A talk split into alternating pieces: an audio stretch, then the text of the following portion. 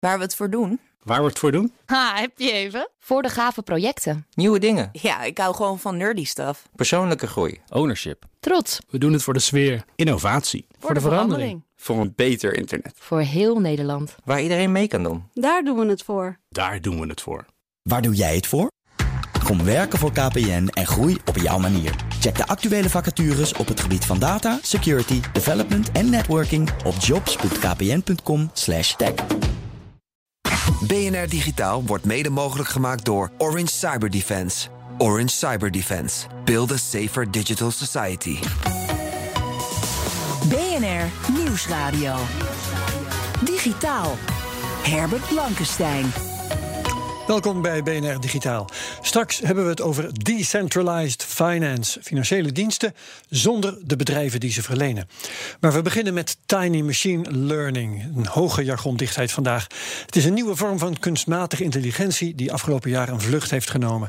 Het wordt gezien als de missing link tussen algoritmen die nog met de cloud moeten communiceren en volledig zelfstandig werkende en lerende apparaten. Te gast vandaag Tijmen Blankenvoort, kunstmatige intelligentie-engineer bij Qualcomm. Hallo Tijmen. Een hele goede dag. Hoi. En Bert Slachter van lekkercryptisch.nl. Ook welkom. Dankjewel, goedemiddag. Tijmen, om te beginnen, hoe zou jij, als je het moet samenvatten, tiny machine learning gaan definiëren?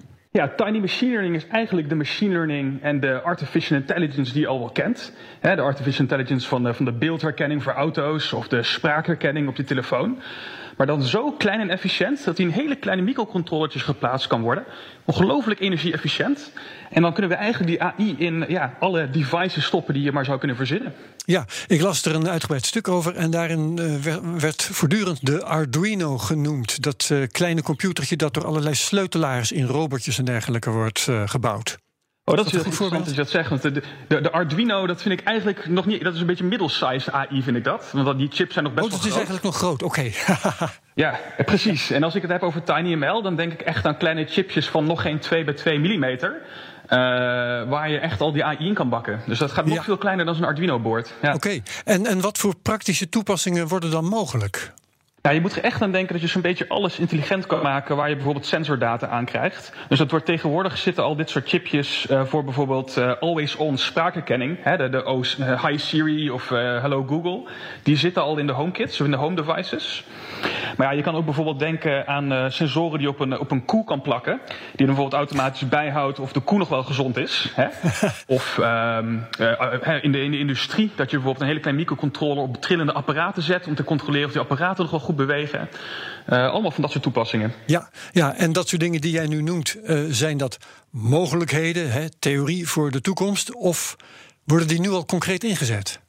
Nou, wat ik net noemde, dus met die, met die koe, dat is wel een bedrijf uit in Amerika. Ik ben even de naam van het bedrijf vergeten, maar die doen dat al. Mhm. Mm -hmm. uh, dus die maken echt microcontrollertjes die dus met de sensordata uit kan lezen die uit, uh, uit, uit de, de, de beesten komt.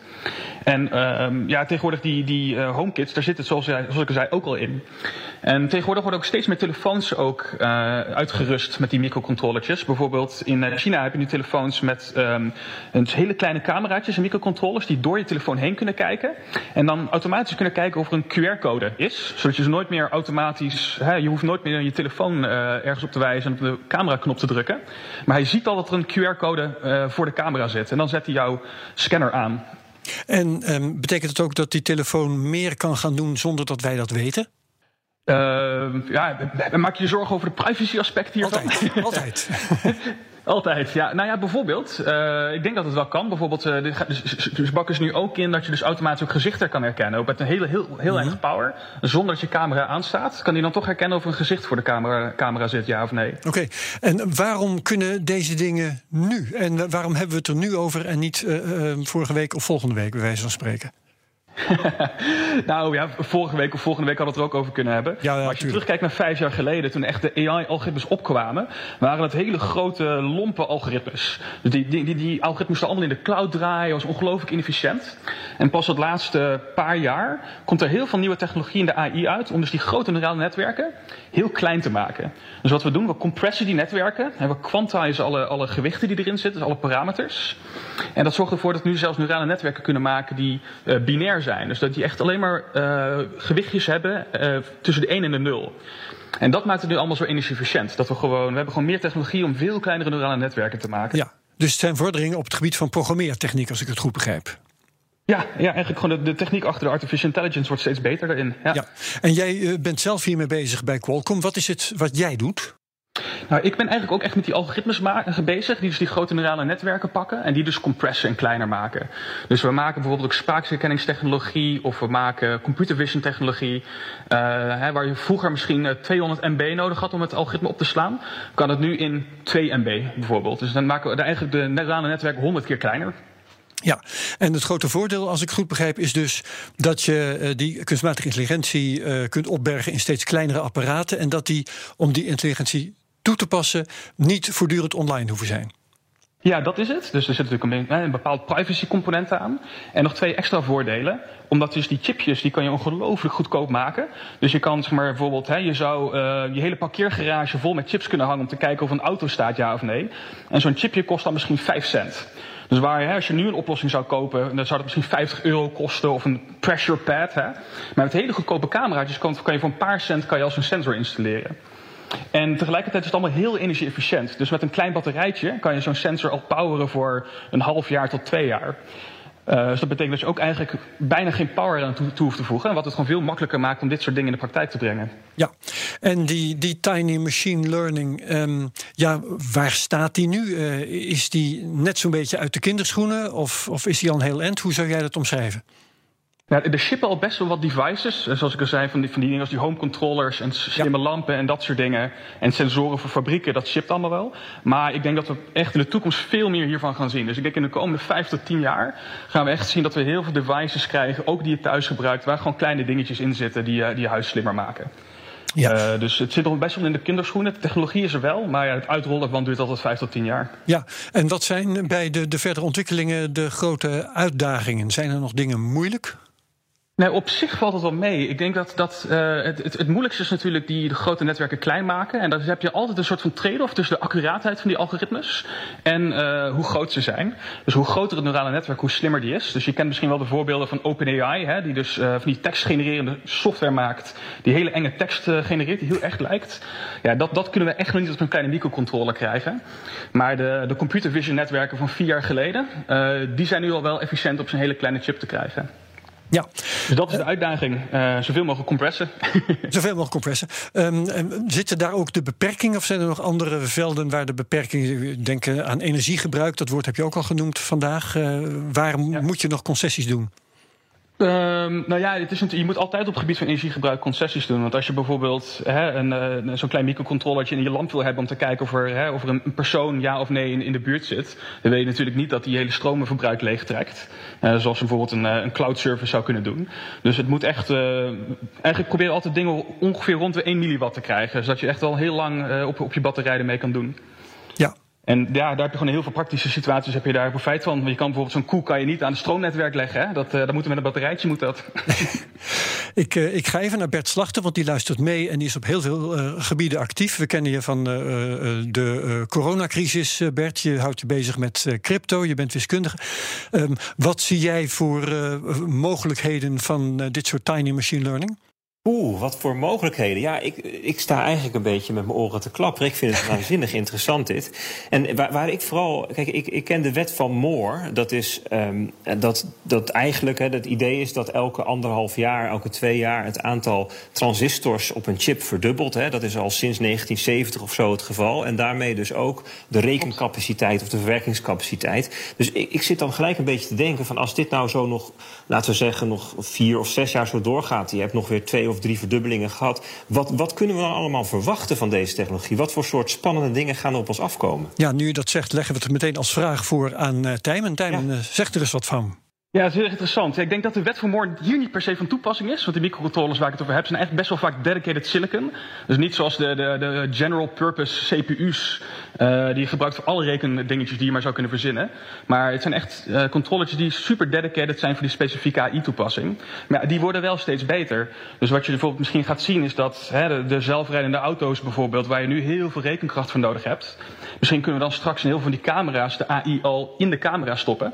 Dan hoeft dat signaal, hè, die beelden hoeven niet meer teruggestuurd te worden naar een centrale computer. Ja. En kan zo'n auto, zo'n Tesla-auto, ook weer veel langer rijden, omdat hij gewoon minder stroom verbruikt. Ja, toen ik daarnet. Dat soort toepassingen zijn zeker mogelijk. Ja, toen ik net reageerde op jouw verhaal over uh, telefoons die, uh, die uh, kunnen rondkijken zonder dat je ze daartoe opdracht geeft. Toen zei je, nou gaat het over privacy.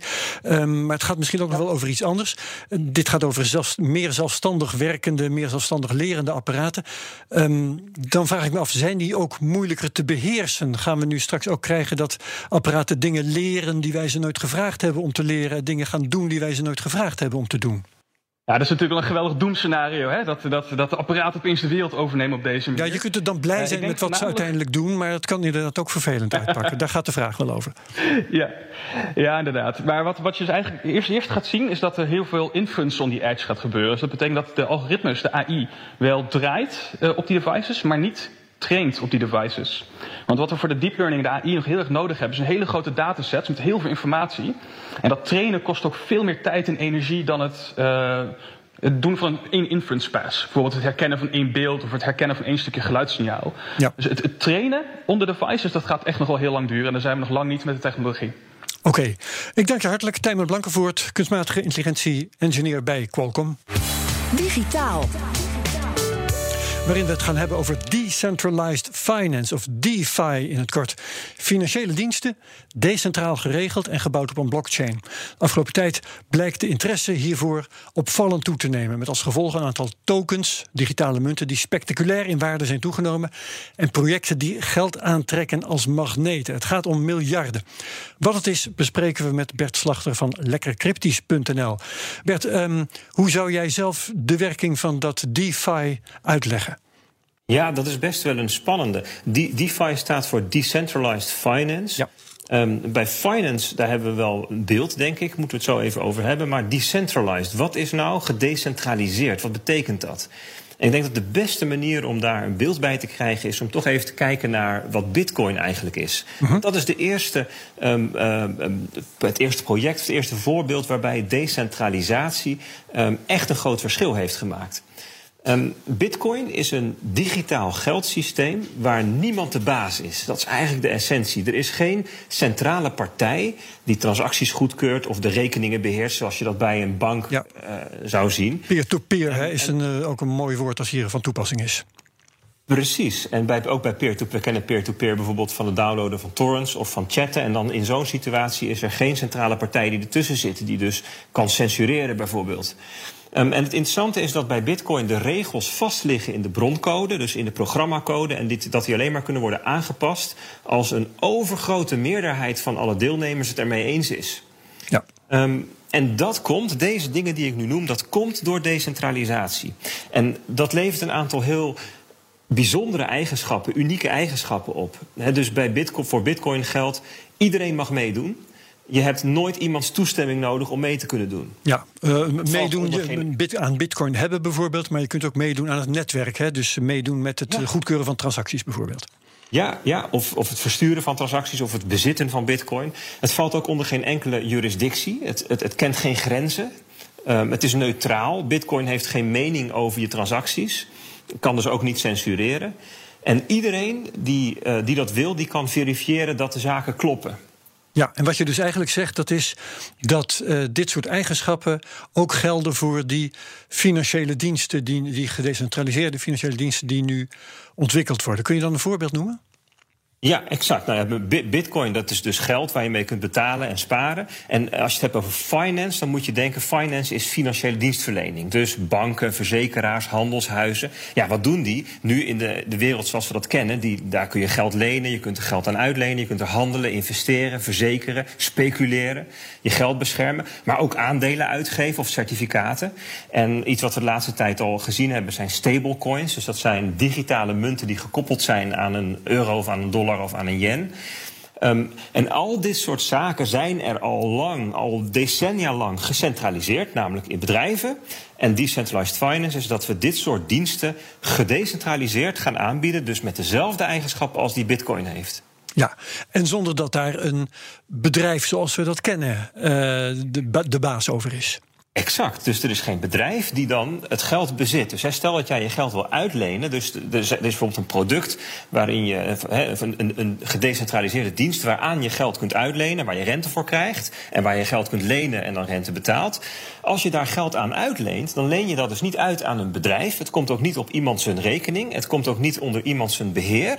Maar dat geld dat wordt eigendom eigenlijk van een stukje code. Is het stukje code, een smart contract noemen we dat, die beheert dat geld en is de baas over dat geld. En dat stukje, dat stukje code, die smart contract, die wordt dus gedecentraliseerd uitgevoerd door al die computers in dat netwerk. En er is dus helemaal niemand ter wereld die daar aan kan komen of die de regels kan veranderen. Ja, klinkt wel alsof daar uh, juridische vragen op de loer liggen. Bijvoorbeeld als je, een, als je ergens, het ergens niet mee eens bent, met wie ben je het dan precies niet eens?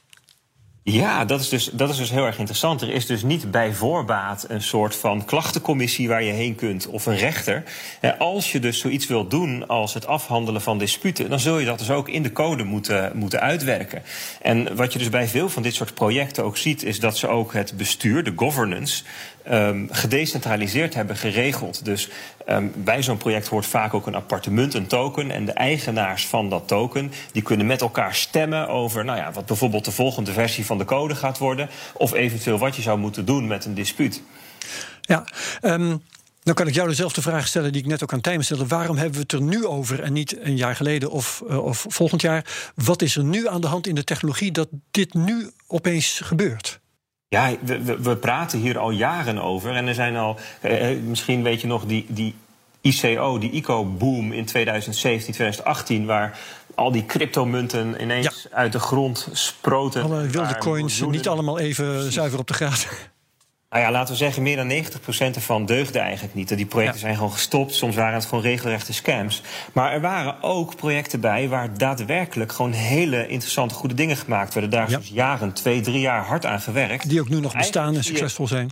Ja, exact. Soms hebben ze een andere naam gekregen omdat het dan beter paste. Soms hebben ze hun product ietsjes aangepast. Maar wat je de afgelopen, laten we zeggen, drie, vier, vijf maanden ziet, is dat heel veel van dat soort eh, producten tegelijk ongeveer um, volwassen aan het worden zijn en ook op elkaar passen als puzzelstukjes in elkaar. Het zijn allemaal bouwsteentjes. En, um, en dat het nu langzamerhand eh, als eerste proefversie gaat werken. En um, nou, we hebben het bij Decentralized Finance heb je het eigenlijk altijd over hoeveel geld erin opgesloten is. Of hoeveel geld er wordt beheerd door die smart contracts. Dat, dat noemen we de TVL, de Total Value Locked. En die was begin dit jaar op 600 miljoen dollar. Dat lag op, um, in, in juli lag het op 2 miljard en het is nu 8 miljard dollar. Dus het is in, eigenlijk wow. geëxplodeerd. Ja. Dat is natuurlijk ontzettend veel. Hè? Net zoals dat die stablecoins die zijn in, van 5 miljard naar 15 miljard gegaan. En um, ja, dus, dus daar gebeuren dingen. Dus het is nu, uh, nu echt hot and happening. Ja, en um, het maakt in de meeste gevallen, als ik het goed ben ingelicht, gebruik van uh, de coin Ethereum hè, en, en de smart contracts die daarbij horen. Um, is dit een, een wedergeboorte van de, van de ether die we hiermee maken? Ja, Ethereum is by far het grootste platform waar het nu op gebeurt. En de Ether als munt is uh, eigenlijk het meest gebruikte uh, onderpand voor dit soort zaken. Um, dus we zien, ja, we zien zeker dat, um, dat Ethereum als project, als munt hiervan profiteert. Ook Ethereum is flink in waarde gestegen. En het netwerk is de afgelopen uh, weken zwaar overbelast. Dus dat zijn eigenlijk de volgende kinderziektes die in, in zo'n ontwikkelingsproject nu uh, waar we tegenaan lopen. Ja, um, er zijn grote kansen, hè, want er zijn, er zijn van uh, bepaalde coins die waanzinnig in waarde zijn toegenomen. Dus je kunt winst maken. Er zijn allerlei mogelijkheden wat dat betreft. Er zijn natuurlijk ook risico's. Kun jij schetsen wat de belangrijkste risico's zijn voor mensen die zich hierin gaan storten? Ja, er zijn ontzettend veel soorten risico's. Het is heel moeilijk om als, als je niet heel erg erin hebt verdiept om te zien welk project deugt en welk project niet deugt. En dan heb je het over de techniek die kapot kan zijn. Kijk, je moet je wel voorstellen, je, je, je geeft je geld eigenlijk in beheer van een smart contract en daar kunnen gewoon bugs in zitten. En het kan gewoon gebeuren dat je geld gewoon daardoor weg is of onbenaderbaar is of misschien gestolen kan worden door iemand als die er een backdoor in heeft gebouwd. Dus het is op dit moment inderdaad hoogst speculatief en je moet het eigenlijk zien als een eerste um, zichtbaarwording van een technologie die pas over vijf tot tien jaar een klein beetje volwassen gaat worden. Dus echt helemaal in de beginfase zitten we. Ja, en het is nu ook zo, want, want we hebben het over smart contracts, waarin dan dingen vast liggen. Ik had het net over juridische zaken. Maar als je met een bepaald project meedoet, dan is datgene waar je aan meedoet, is een smart contract. En dat is in feite uh, computercode. Dus dat moet je kunnen lezen om te begrijpen waar je je in begeeft. Ja, dat zou je kunnen zeggen. Er zijn denk ik maar heel weinig mensen die echt in staat zijn om een smart contract te lezen en dan ook nog eens um, te beoordelen of het deugt. Ja. Maar wat je bijvoorbeeld wel ziet, is dat sommige projecten er tot het uiterste zich inspannen om die smart contracts te laten auditeren. Door he, dus te beoordelen door um, uh, ja, gevestigde, um, hele goede expert, experts, zou ik maar zeggen. Ja. En, en dat, dat, kan, dat kan vertrouwen geven. Maar in het algemeen geldt voor dit soort dingen: het is ontzettend leuk en interessant om mee te experimenteren, omdat je dan wat. Je, je kunt de eerste uh, stukjes zien van, van wat misschien wel in de toekomst de manier wordt waarop uh, financiële dienstverlening wordt vormgegeven. Maar je moet er beslist niet je hele vermogen in gaan stoppen. Nee, zeker. Um, ja, uh in 1995 hadden we het web en toen kon het ja, uh, internet, het web kon iets zijn wat je had of wat je niet had, waar je wel of niet in geïnteresseerd uh, was. Ja. Uh, intussen, als je geld verdient en een salaris hebt, dan eh, is het uitgesloten dat je dat kunt doen zonder aan internetbankieren te doen, om maar eens een dwarsstraat te noemen. Dus dat, dat web dat is helemaal met ons leven verweven. Wanneer en hoe gaan we zien dat decentralized finance met ons leven verweven is? Op die manier? Ja, dat zal waarschijnlijk nog, nog wel een tijdje gaan duren. Kijk, wat, wat, wat heel interessant is aan deze wereld, is dat er nu op een heel hoog tempo geïnnoveerd wordt. Hè. En ik, ik hoorde pas wat mensen uit het hart van, van deze uh, sector zeiden van ja, de afgelopen 30 jaar is er in, in, in de finance sector heel weinig innovatie geweest. Dus het is heel moeilijk om vanuit een, laten we zeggen, een grote bank te innoveren. Er zijn ontzettend veel regels waar je aan moet voldoen. Interne regels, externe regels. En, en die hele decentralized finance onttrekt zich daaraan. En dat is uh, misschien ook voor de, voor de regelmakers uh, hen een, een doorn in het oog. Ja. Maar hier, hier worden wel de dingen bedacht nu waar wellicht de grote banken, de grote financiële instellingen in de toekomst hun diensten op gaan bouwen. Dus waarschijnlijk zul je over vijf of over tien jaar allerlei financiële diensten gebruiken. Um, waar dit soort technologie onder ligt. Zonder dat je per se doorhebt dat dat het geval is. Oké, spannend. Dat gaan we afwachten. En uh, tot die tijd zullen we jou vaker nog uh, uh, over de vloer hebben hier bij BNR Digitaal. Dankjewel, Bert Slachter van lekkercryptisch.nl.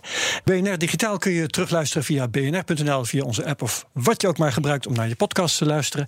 En daar vind je ook mijn andere podcast, bijvoorbeeld de Cryptocast, waarin we deze week de HEMA redden. En de Technoloog, waarin we je informeren over desinformatie. Wat BNR Digitaal betreft, heel graag tot volgende week. Dag. BNR Digitaal wordt mede mogelijk gemaakt door Orange Cyber Defense. Orange Cyber Defense. Build a safer digital society. Bij BNR ben je altijd als eerste op de hoogte van het laatste nieuws. Luister dagelijks live via internet. Bas van Werven. En heel langzaam komt de zon op rond dit tijdstip. Je krijgt inzicht in de dag die komt op BNR, het Binnenhof in Nederland en de rest van de wereld. De Ochtendspits. Voor de beste start van je werkdag. Blijf scherp en mis niets.